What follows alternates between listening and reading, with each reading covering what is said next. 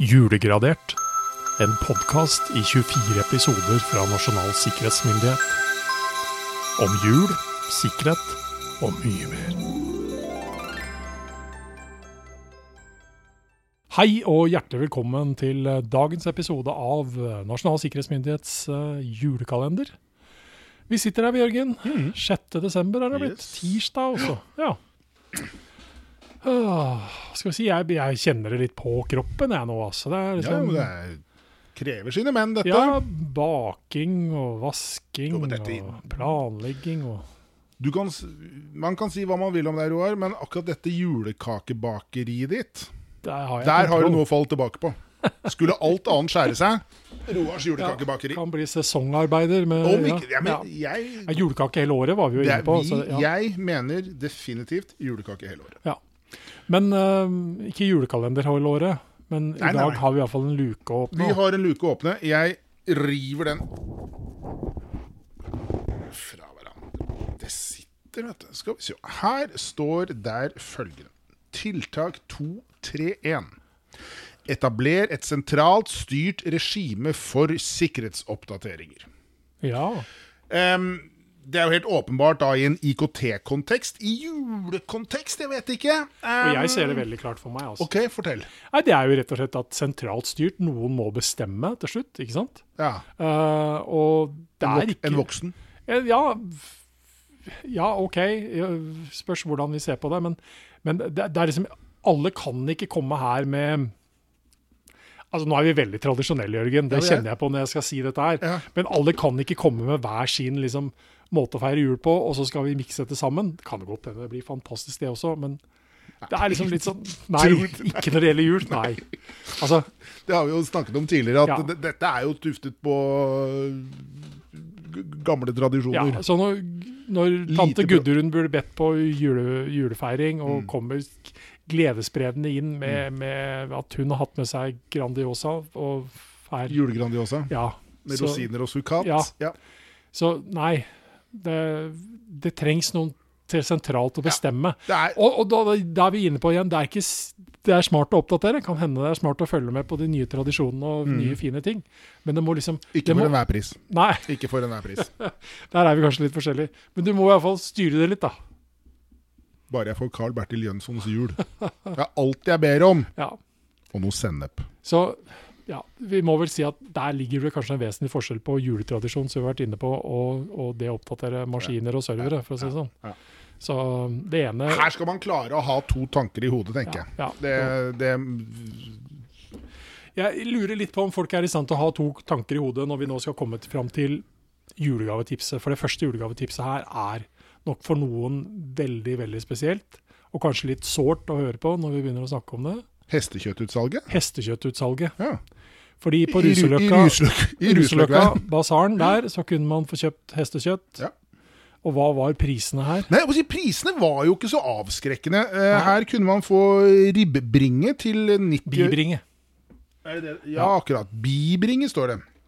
Eh, til 90 øre kiloen. Eh, lapskau, lapskauskjøtt til 1,40 kiloen. Kjøttdeig 1 krone kiloen. Og karbonade to kroner. Av hest, altså. Av hest. Har du spist hest nå? Jeg har faktisk spist hest. Helt fantastisk godt. Ja. Eh, mørt eh, på en helt annen måte enn storfe. Eh, fabelaktig smak. Ja. Eh, og vi var alle litt sånn det, Dette skjer da.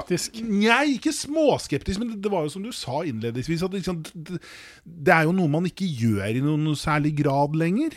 Eh, og jeg tror han som da serverte oss dette, hadde brukt lang tid på å skaffe til vei råvarene. Men var dette sentralt styrt, styrt regime, at dere skulle ha hest? Dette var et sentralt uh, styrt regime uten brukerpåvirkning, Ja, okay. uten brukermedvirkning i det hele tatt. Så der, eh, der var det en voksen som bestemte hvordan dette Men skulle foregå. Men logikken her er at fall, man vet i hvert fall hvorfor julenissen brukte reinsdyr, i hvert fall rundt Russeløkkeveien, for å si det sånn. Eh, fordi hest var ikke å oppdrive, tydeligvis. da. Hesten var til salgs. Ja. Den var delt opp. Men jeg, jeg har noe som jeg føler er litt bedre. Um, Og du tenker på julekurvene det også annonseres for? julekurvene det altså annonseres Ja, for. ja.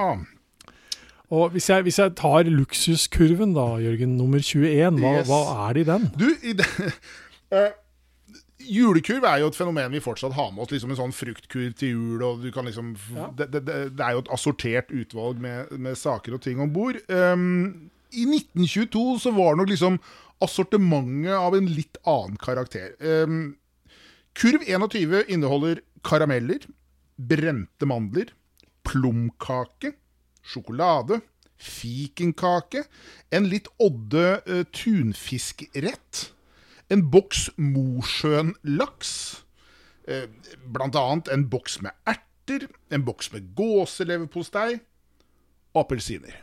Ja. Iranske sardiner i tomat? Er det også? iranske sardiner i to- Ja, der ser du. ikke sant? Det, det er jo en det er jo en kombinasjon som kanskje jeg håper å si, klang ekstremt eksklusivt denne gangen. Det, det var til den nette eksotisk til tider. da. Ja, og det, til den nette sum av 33 kroner og 65 øre. Det var nok noen kroner òg, det. Det var nok noen kroner. Jeg lurer på om vi snakker en 40 gang, jeg. Ok. Sånn kroneverdi eh, da til nå, hvis jeg ikke tar helt feil. Så, så det, det var en kostbar sak, og det, det, det var nok griseeksklusivt. Ja. Det var vel ikke jeg håper å si, Hestekjøtt som er eksklusivt i dag, var vel håper si, lettere å få tak i den gang. Ja, i hvert fall prismessig. I hvert fall prismessig. sånn, ja. Så, Fordi den litt billigere utgaven, da, kurv nummer to, den har da hasselnøtter, epler, sjokolade, kokesjokolade, fiken, kjeks og så noe så fint egentlig som en jordbærkurv i desember. til fem kroner og ti. Ja. Så det var eh, Så- Nei, det er eh, Noe for enhver smak. Noe for enhver si smak. Definitivt. Ja. Definitivt. Men apropos noe for enhver smak. Eh, nå har jeg en litt mer sånn, litt sånn eksklusiv julekake, jeg da føler jeg. OK, Ja. nå er jeg spent.